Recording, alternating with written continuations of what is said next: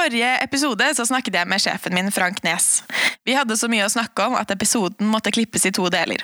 Vi snakket da om Rolling Stones da de kom til Bergen, og hvordan det er å bli en del av Live Nation.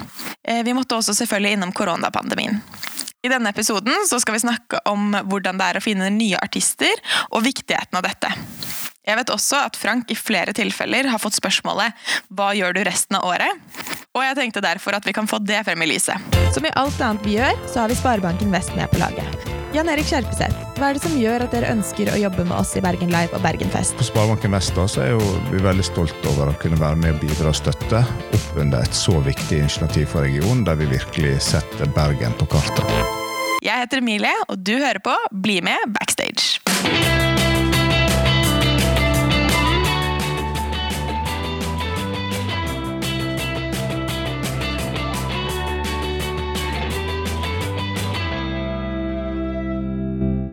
Hvis man skal gå litt tilbake til gammel normal, eller hva man skal da, tiden før korona, eh, så vet jeg at du og flere andre i bransjen får spørsmål om eh, hva gjør du resten av året når du ikke lager festival?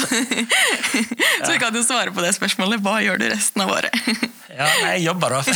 så, så det å jobbe med, jobbe med både festival og konserter, det er jo arbeid som tar mye tid. Mm. Altså, det, du har en planleggingshorisont som egentlig blir lengre og lengre. Mm.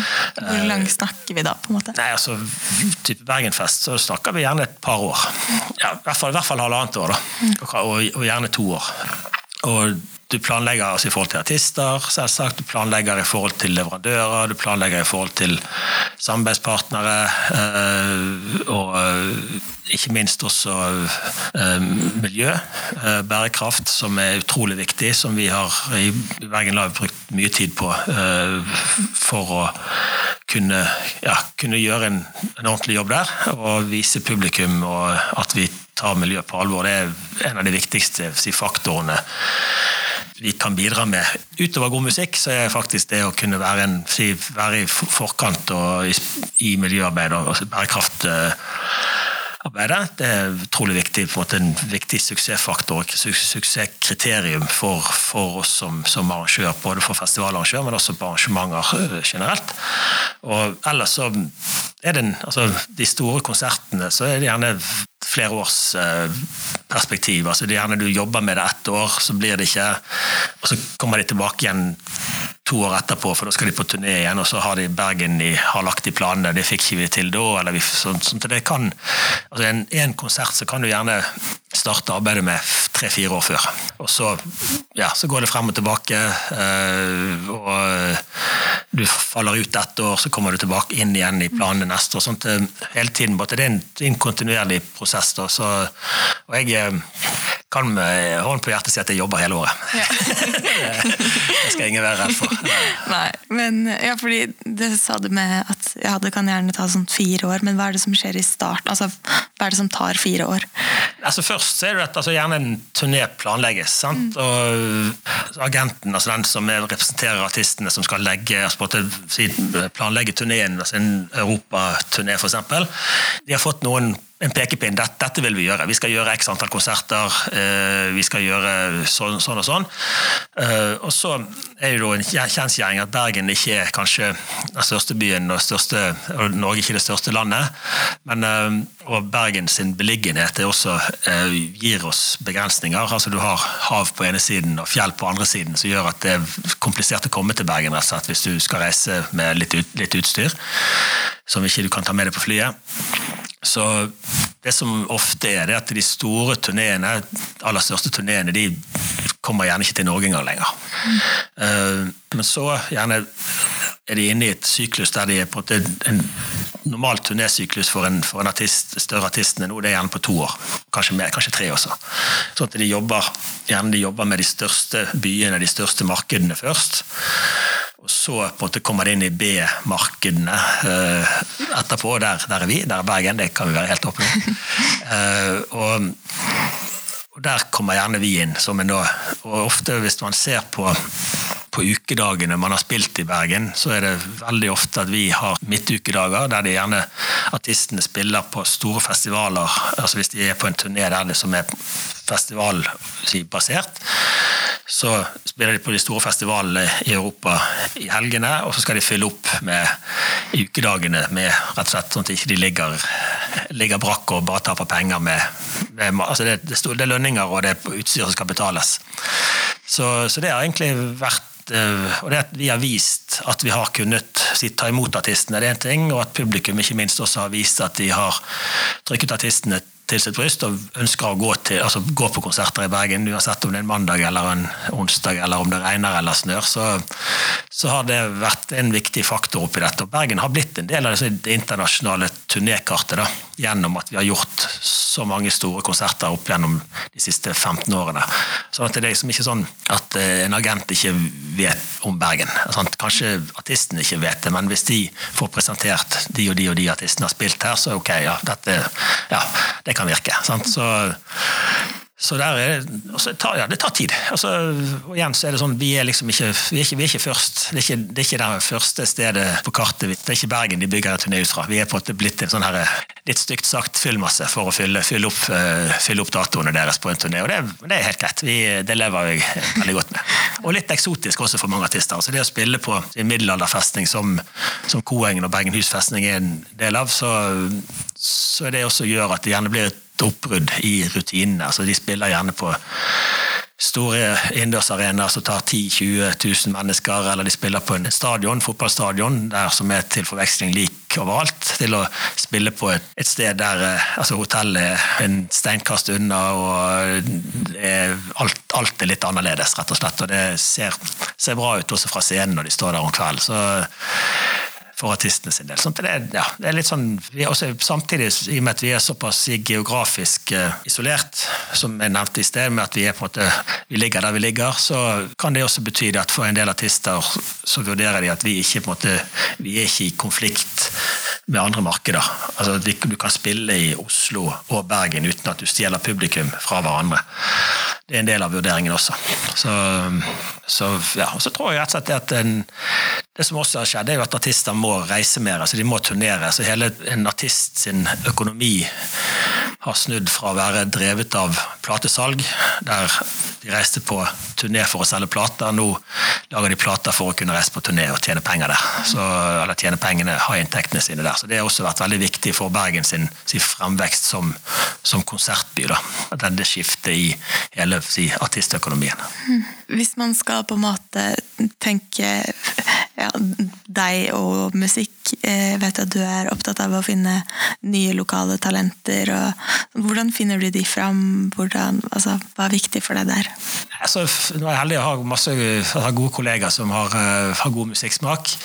Og er eh, flink å komme frem med, med tips og sånn. Og så, så gjennom det nettverket man har, så får man får hele tiden innspill. altså av de rundt 50 artistene som spiller på Bergenfest hvert år, så er det en silingsprosess som er ganske formidabel. Altså det, vi snakker om noen tusen artister som har vært og banket på døren og enten har hatt lyst til å spille, eller vi har hatt lyst til å ha dem på festival, og det har av ulike grunner ikke passet.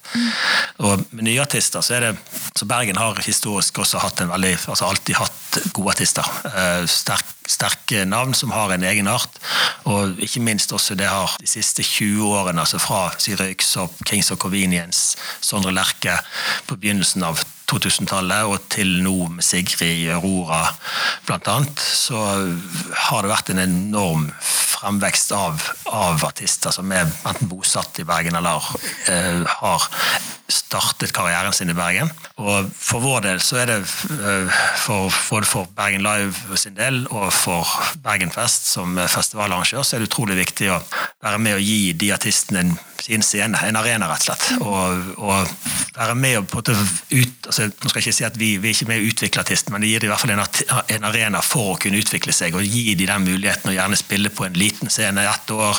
Neste gang eller de skal spille på festival, de får spille på en større scene. og at Bergenfest er på en måte blitt en viktig arena for norske artister, men også, ikke minst også si, bergensbaserte artister. Det er noe jeg er utrolig stolt av at vi har klart å få til. at det er på en måte blitt en altså Bergenfest er noe av det første en artist plotter inn når de skal lage årshjulet sitt, hvis de skal, når de skal ut og, ja, ut og jobbe etter å ha gitt ut en plate.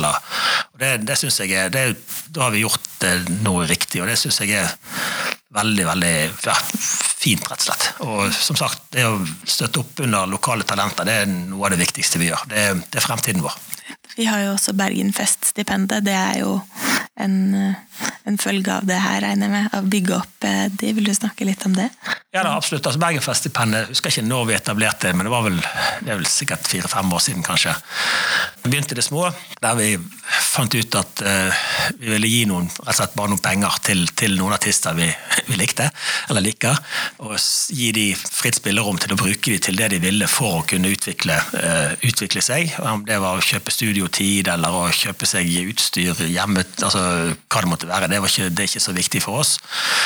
Men også så gir de en scene å opptre på på Bergenfest som en del av altså tilbud om det i hvert fall, som en del av, av det stipendet. Og sånn at det har hatt en sånn forsiktig start og vært en veldig fin ting. Vi har vel hvert år gitt noen penger mellom 20 og 100 000 er det vel vi gir per, per artist. Vi har en sånn såkalt utviklingsstipend som vi gir tror det 20 000 eller 25 000 husker ikke hva det til artister. Og så har vi et litt større stipend til de eh, som har, måte, har, hatt et gjennombrudd og skal, skal kunne ta, ta, det videre, som har vel fått 100 000 kroner av oss. Så det har vært penger vi har samlet inn som gaver fra våre samarbeidspartnere, og også publikum har anledning til å gi en donasjon når de kjøper billetter til Bergenfest. Og så har vi vært med og og, bidratt litt. Og så har vi også som en del av den pakken, når de har fått dette stipendet, så har vi sammen med et lite filmselskap her i Bergen laget, uh, laget uh, promovideoer videoer for dem som de kan bruke når de skal ut og, ut og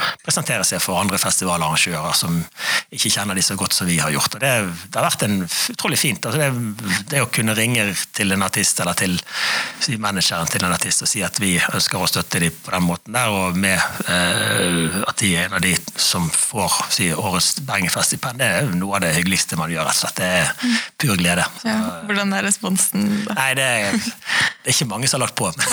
si det, sånn. det er veldig klart det, altså, det er veldig positivt og utrolig ja, Det er veldig kjekt, rett og slett. Og det, det, som sagt, det, det, å være med og at det, at det kan være et av våre bidrag til å være med å utvikle en artistkarriere, det er kjempeviktig. Altså, uten artister så er vi veldig lite. Altså, og, og, det å ha den altså, sterk lokal tilhørighet med sterke bergenske artister, og ikke minst også norske artister, det er viktig. Og bergenske artister holder veldig høy kvalitet. Uh, det er ikke veldig mange årene siden at hvis man på i valget mellom å ha en utenlandsk artist og en norsk artist, eller bergensk artist, så var på en valget veldig enkelt. Eh, da var det den utenlandske artisten som var på en litt mer stas. Akkurat nå, altså nå de siste, siste ti årene, så har på en det, er det, helt, altså det skillet helt visket ut. Altså en, norske artister og engelske artister står side om side med utenlandske artister og er, de er minst like gode, og de selger like mye billetter og får like god og kanskje bedre eh, mottakelse av publikum. Så det å være med å bygge opp et eh, miljø i Bergen, at artister blir værende i Bergen også, er, er viktig for oss. Altså, Bergen er en levende by, både med arrangører, arrangementssteder og ikke minst artister. Så ja, så Vi bidrar med noen hundre tusen kroner der hvert år. og det er som sagt De som er med og bidrar, de syns det er veldig kjekt. Og, og artistene syns det er superstas, så da kan ikke du be om mer en normal, typisk vei for en artist ville være en liten scene, og så en litt større, og så hovedscene. Mens noen artister setter man kanskje rett på hovedscenen. Mm. Hvorfor gjør man det? Nei, det er fordi at altså, Hele karriereløpet til en artist nå er helt annerledes enn det det var for mange år siden. For Før så var det sånn når man, måte, når man solgte plater, da, så kunne du på en måte nærmest plotte en turné basert på platesalget deres. Altså Si at den artisten skal spille først på en klubb, så skal han spille på et litt større sted, og så enda større. Og så stoppet det gjerne der for norske artister. Sant? Altså det, nå så på en måte når altså artister blir kjent på en helt annen måte. Altså med, gjennom sosiale medier så kan en artist uh, slå gjennom basert på en singel uh, og bli gigastor uh, uten egentlig å ha noe sceneerfaring. Altså et lokalt eksempel er jo Kygo, som i begynnelsen måtte si nei til masse DJ-jobber for at han kunne ikke Han visste ikke hvordan han skulle bruke miksepulten eller mikseren. Så, og da lærte seg det å han gikk jo rett på hovedscenen på Bergenfest i 2015, var det vel. Og hadde jo heldigvis gjort noen konserter da tidligere, og det var en fantastisk produksjon som ble levert. Men det er også den sjangeren han er en del av, altså EDM, som er en sjanger som er vel den nye popen. Altså, og har, er veldig også avhengig av, har vært veldig avhengig av mye si, kaller det mye staffasje eller mye, mye, effekter rundt for å bygge et liveshow. Sant? Og og det du også merker, er at en del av de artistene som blir veldig fort kjent, de sliter kanskje i begynnelsen med på å, å gjøre seg fortjent til den sin største scenen. Uh, og det er ikke negativt å si at de blir gjort seg fortjent, men de hadde hatt godt av å gått gradene, for å si det sånn. Men sånn er ikke verden. Altså, du blir verdenskjent med én hit, og hva gjør man da? Da er det neste det at man må ut og, ut og turnere. Og, og det er klart det at Man kan gjerne selge ut. altså Det er artister nå som går fra, fra aldri har spilt live omtrent, til å gå rett på selge ut Oslo Spektrum med 8000 billetter, sant? eller 10 000 billetter. og det, det, er enormt krevende for artisten, det er en ting, men også det som er symptomatisk, er at de som regel er på en måte menneskene rundt de artistene, de har heller ikke veldig stor erfaring. Så at vi som lokal arrangør har kanskje fått et enda større ansvar med å være med og guide de til å finne løsninger som, som fungerer rett og slett praksis på, på en scene. Og Det er kjempeinteressant. Og det er klart det er en utrolig Det å kunne skulle gå fra, si, fra gutterommet til å spille for 10 000 mennesker, det er det er ingen forunt, egentlig. Altså, det, er ganske, det, er ganske, heftig. Jeg, de er tøffe, de guttene og jentene som tar det steget. Mens for andre igjen så er det jo den mest naturlige ting av verden. altså type Sigrid, som er jo et eventyr, som uh, har en scene tilstedeværelse som uh, skulle tro hun ikke hadde gjort noe annet hele livet sitt. Sant? Og, for hun kom også rett på hovedscene? Nei, Eller? hun begynte vi med det også Hun spilte vel først en konsert på, på, Østre for 150 mennesker. Det var før hun var kjent. Vi var med og gjorde den konserten der. Så var hun booket til Bergenfest samme år. Dette var i januar-februar. eller sånn. Og så spilte hun på Bergenfest på den scene to, altså den nest største utescenen på et veldig tidlig tidspunkt. Jeg tror det var klokken fem, eller noe sånt, og det var smikkfullt. Uh, og eh, hun hadde tatt altså virkelig bransjen med stormskritt på bare noen få måneder. Altså Hun var blitt en internasjonal snakkis bare på veldig kort tid. Året etterpå så spilte hun på hovedscenen og var i praksis uh, det største navnet på, på lørdagen, sammen med en annen artist som vi ikke husker navnet på akkurat nå, uten at det, det gjør at han, den artisten er noe spesielt dårligere. Men eh, det var veldig sånn Folk kom for å høre. Hun var nest sist på hovedscenen den, den kvelden. og det var altså Folk kom for å høre på henne, og så det var ikke det tvil om. og det er utrolig, Hun eide, eide Bergenhus festning, enkelt og greit. Det var utrolig kjekt. rett og slett. Hun har jo, Dette var vel for to år siden, eller sånn, tror jeg. 2018. var det, ja. Og hun har jo bare fortsatt å legge verden for sine føtter. Og det er utrolig kjekt å følge med på. Jeg vet at også hun har satt pris på, på de mulighetene vi har kunnet gitt henne også som, eh, som arrangør. Av å oppleve artister tidlig, eller ja, oppdage de og å booke de til sine konserter, eller? Det er det som egentlig er det gøyeste. Ja. klart det Å kunne være med og se at, at en artist utvikler seg, på en måte følge med fra de ja, fra de tar sine første famlende skritt på en scene, til de står der som en fullbefaren entertainer, rett og slett, eh, og kunstner. Det det er spennende. Og, altså, vår rolle oppi det er ikke veldig stor, men eh, det er på en måte at vi kan være med å presentere de trygge omgivelsene for artistene. Sørge for at de kan fokusere på det de skal gjøre på scenen, og ikke noe annet. Den jobben der er uvurderlig. Og samtidig så er det sånn altså Vi skal egentlig gjøre oss usynlige. Den dagen alt bare flyter og øh, alt, alt er greit, da har vi gjort jobben vår. Altså det er som i fotball. Den dagen du husker hvem dommeren var, da, da har dommeren gjort en dårlig jobb. Så, så vi, ja, det er rett og slett jobben vår å sørge for å være, gjøre andre gode, og det har jeg veldig stor glede av. Den første konserten som Imagine Dragons gjorde utenfor Nord-Amerika, den var jo her. Eh, hvordan kom det til? Det var ganske spesielt. Det Var, vi abonnerte på, sånn der, eh, på et nettsted som hadde masse, kunne, masse ukjente artister, eller alle artister kunne egentlig kunne legge seg til eh, og presentere seg. Og så ved at vi, vi betalte inn noen penger for å, for å være med der, og, de, og så gikk vi gjennom og fikk forslag. altså vi på Du la noen parametere for hva, hvilke type artister du så etter.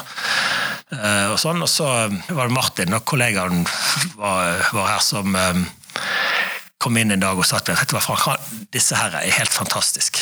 Eh, det er Coldplay. så, eh, eller en blanding av Coldplay og Muse, eller jeg husker ikke hva det var. Det liksom, og så hadde vi da som en del av det medlemskapet i den, det nettstedet der, så hadde vi forpliktet oss til jeg tror, å booke minimum fire artister eller noe sånt, gjennom disse. da.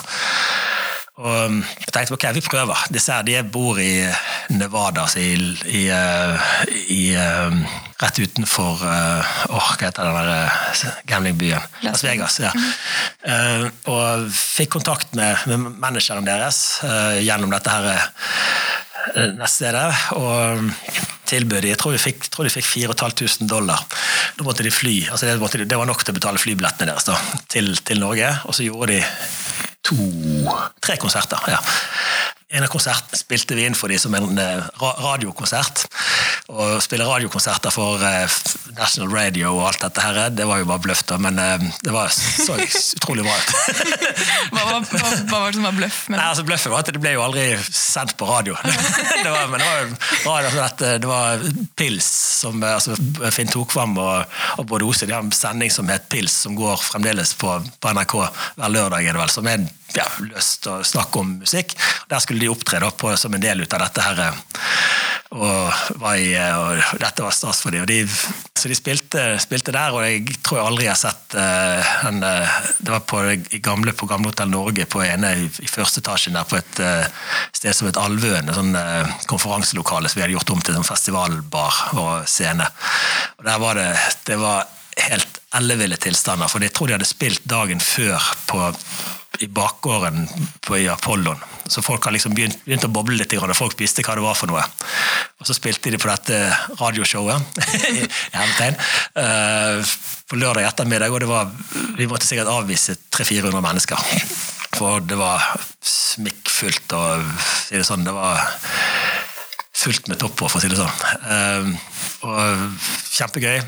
De var akkurat så gode som eh, vi hadde håpet og trodd de var. Og så spilte de på Kvarteret om kvelden, og der var det også det var så lange køer at det, og det var, det var nesten sånn ja, det var sånn Noen få ganger i, livet ditt får du den, den der, sånn gåsehudfølelsen av å være på en konsert og tenke at wow, dette er nå er du med på noe spesielt. Mm. Og, altså de var i Bergen, altså bandet da, de var i Bergen i nesten en uke. De som sagt, altså du sa, de var første gang utenfor uh, delstaten sin, og de fikk smaken både på, på kvinner og uh, fra no, norske, norske, damer og norsk akevitt. og det siste det medførte at uh, kanskje en kombinasjon av begge to tror jeg medførte at jeg trommisen de måtte sende ut gå på leteaksjon for dagen etterpå, for han fant det ikke. så, så, men han eh, hadde da smakt litt for mye akevitt og tror jeg har blitt med en, eh, en, eh, en norsk jente hjem og ble, våknet ganske seint, for å si det sånn. Så, men han kom til rette og tror han spiller i bandet fremdeles. Og det, og det, det, som også på en måte skjedde, det at de i deres karriere tok sitt tok av etter, altså helt uavhengig av konserten på Bergenfest det året der. Det var vel i 2-7 eller 2-8, eller så jeg husker ikke det var kanskje 2-9. Men da tok karrieren deres helt av. Og i masse intervjuer med eh, altså internasjonale medier, altså musikkbransje og sånn, så det, kom det veldig ofte frem den historien om Bergen. At det var liksom første gang de hadde spilt ut, utenfor USAs grenser. og uh, De snakket om akevitt, og de snakket om eh, fenalår. og masse ja, Så det ble liksom sånn greie, da. Og utrolig sånn ja, vi, Det var vel i 2013, tror jeg, som har vært senere. 2010 eller 2011 de spilte i Bergen, jeg husker ikke. Men i hvert fall, så i 2013 så inviterte vi de til, til Bergenfest igjen, og spilte på hovedscenen her på, på Bergenhus festning. og Da var det ikke vanskelig å be. Første gangen så var det, når jeg henvendte meg til det, siden når de hadde fått agent og det var litt stil over tingene, så, så sa de at dette, nei, dette tror jeg ikke. Det, jo, spør, spør manageren om ikke Bergen er et bra sted for dem. Så kom han tilbake. Jo da, selvsagt, vi skal spille.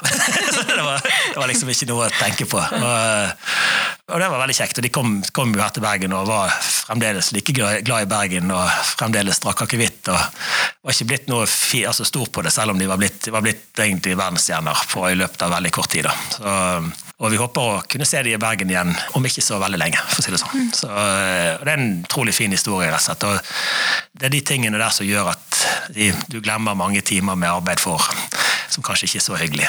Så, mm. Hva tror du er hemmeligheten bak å finne sånn ny, god musikk? Flaks. Tilfeldigheter. Og så skal ikke du underslå at det er teft. Og, altså, det, ja, vi hører nå på mye musikk. Altså, vi lever av dette. Vi lever med det. Jeg tror kanskje vi lever mer, like mye med det som av det. Uh, og er veldig opptatt av det, av, ja, av musikk, rett og slett. Og, men vi får også veldig mye innspill fra folk vi kjenner, fra bransjen, kollegaer som jeg nevnte.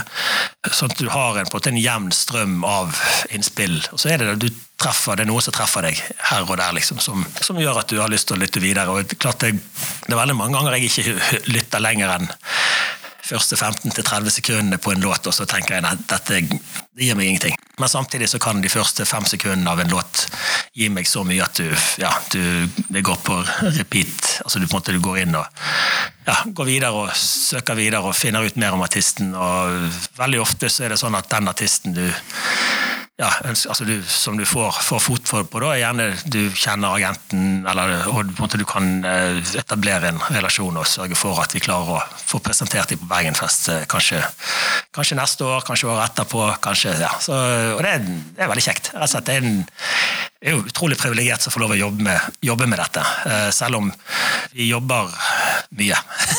Når det står på, så jobber vi er det, altså, Da er arbeidsdagene veldig veldig lange. Men det er klart det at du vet at du jobber med noe som gir så mange så mye gode opplevelser, det er med å gi deg eh, motivasjon til å, og krefter til å stå på videre. rett og slett. Mm. Har du en konsertopplevelse som var liksom den fineste, den beste konsertopplevelsen? Er så mange, så det er veldig vanskelig å, egentlig å, å dra ut en fra, fra, en annen. Altså, altså, den Imagine Dragons-konserten var fantastisk.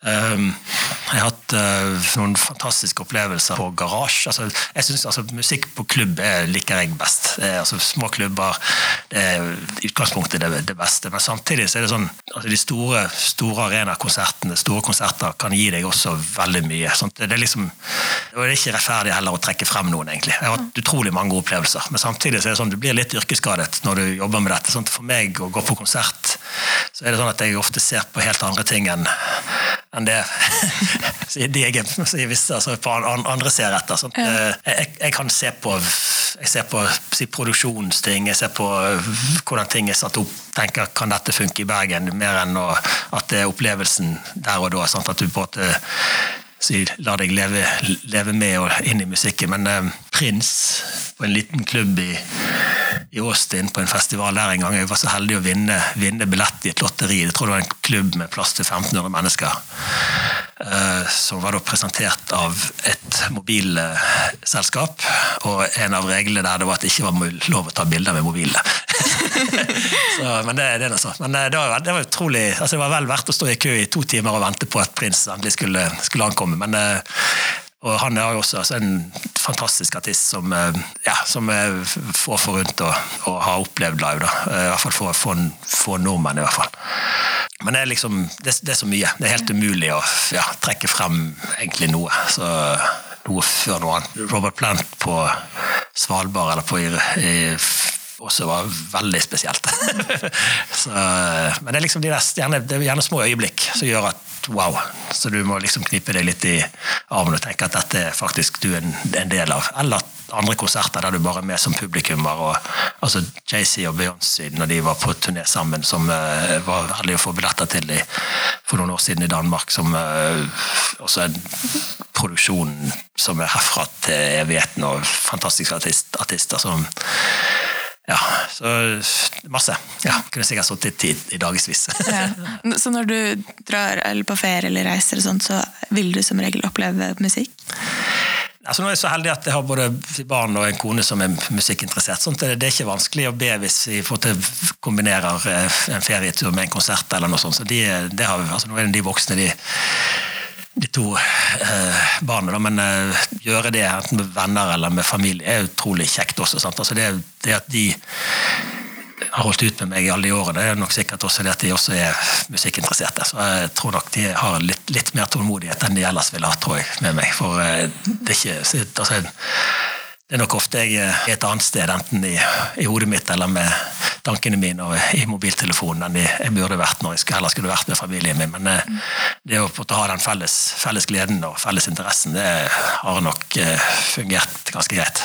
Er det like mye små artister på små scener som store artister? Eller? Absolutt. Ja, ja, ja, ja. Eh, jeg, og jeg får også masse gode tips fra, ja, fra som de nevnte, både min kone og de to si, ungdommene. Så eh, de også jeg kommer med innspill, og andre, andre, venner av de igjen. Og jeg får innspill fra og Som, som jeg, du sier, altså en, en, konsert skal ikke være størst mulig, den skal være best mulig. Den skal bare gi deg noe. Altså, det det, om det skjer på en arena som tar 40 000, eller på en, en, liten klubb som tar 100 mennesker, så er ikke det viktig. Det er liksom det å kunne føle at du på en måte har en connection med det som skjer fra på scenen som, som, ja, som enkeltindivid. Det, det, kan like gjerne skje ja, på en stor arena som en liten, liten rett mm. Hvis du skal dra fram en, ja, kanskje en liten artist, eller noe som kanskje ikke i hermetegn alle vet om, eh, har du noen sånn typisk artisttips eller musikktips? Åh, det er vanskelig. Um, Hva hører du på? Jeg hører på alt mulig. Ja. Men jeg hører, altså, jeg hører akkurat Nei, hva er det jeg hører på, da? Uh, uh, Celeste, for eksempel. Mm. Som er en engelsk artist, britisk artist som uh, har kommet frem de siste par årene. litt sånn R&B, ja, R&B-aktig. Michael Kivanuka er veldig glad, for uh, som også skal spille på Bergenfest i år. som ja, jeg er blitt veldig glad i altså, den type musikk. altså Litt sånn R&B-aktig pop, uh, R&B. Men jeg hører like gjerne på uh, si hard rock eller uh, folkemusikk. Det spiller ingen rolle. altså det er Norske artister, så er det, er det veldig mye bra, rett og slett. enormt høyt nivå på norske artister. som Der å trekke frem én ny, helt spesielt en som var fotballtrener for eh, for mange herrens år siden. Han gikk og, hjemme hos oss og, og lekte, lekte, med eldste sønnen min. Han er star Fredrik Domås, som har fått en jeg har fått en liten hit nå, med, og blant annet også den 'Hjem til jul', som Emma Steinbakken har, har sang på den siste, den siste hjem, eller 'Hjem til jul', eller den Netflix-serien. Mm som, uh, som, han har laget. Han, det syns jeg er utrolig sjarmerende å se at det har blitt noe av han òg. så det og, uh, og, så er det, ja, det er utrolig mye flinke artister, rett og slett. Myra, fantastisk talent. Så jeg syns ja, Jeg bare håper at hun klarer å ta de stegene videre. Fått veldig sans for Iris også, som syns jeg har gjort utrolig mye fine, fint på kort tid. Og ja, samtidig så er det, så utrolig mye talenter der ute. At uh, det er liksom det er urettferdig egentlig å trekke frem én foran noen andre. En annen artist som jeg syns har hatt en helt fantastisk utvikling også, det er Sondre Lerche. Som vel for 20 år siden var på topp, altså hadde fått sin første karrieretopp og var skulle liksom altså Han var, han var popstjerne. Uh, han var egentlig popstjerne da han var 15-16 år gammel. og Han ser jo ikke eldre ut nå heller, men han er, har fått en, fått en, var i sin bølgedal, både kommersielt og kanskje også kunstnerisk, men på en måte nå de siste årene har virkelig tatt sats igjen og er blitt en utrolig altså Han er en entertainer av Guds nåde skriver bedre låter enn han noensinne har gjort. og har vel også vært den artisten som har si, omfavnet hele den koronaepidemien på en sånn måte at han har klart å spille det til noe positivt for sitt, sin egen karriere. og har gjort, altså jeg må si han har et enorm respekt for Sondre Lerche, både som artist og, og, menneske. og det han har, ja, Måten han har, han har klart å komme seg tilbake igjen på. Det er virkelig respekt for oss. for det, Når nedturen begynner, så er det ofte veldig vanskelig å, å snu det. Men uh, han er en utrolig intelligent og uh, fin fyr som Han er et musikalsk leksikon, rett og slett. Uh, bare den måten han har gjort altså de siste, siste albumene, noe som, altså det siste, aller siste som heter 'Patience', som er ja, helt topp, toppnivå internasjonalt. Å ha en sånn, en sånn, artist i Norge, og som også et, kan reise ut og ja, uh, har vært bosatt i USA i mange år. Han er en utrolig viktig ambassadør også for Bergen. Og, og man, uh, dette bare, bare, det at han er Sondre Lerche og er fra Bergen og er en fantastisk artist, rett og slett er ja, utrolig fint. Det, sånn, det, ble, det, si, det, ble rett og slett litt rørt når jeg har sett på hvordan han har jobbet seg tilbake igjen på en fin måte. slett. En, ja, og, og, spesielt kanskje i 2020 også. Ja, ja. ja da, absolutt. Han er, nei, da, og all, all ære til Sondre. Han er en, virkelig en jeg eh, setter veldig veldig stor pris på. Hvis du skal eh, tenke deg om det året som eh, kommer nå, eller det som vi er inne i, så vidt, 2021, hva er det du ser mest frem imot da?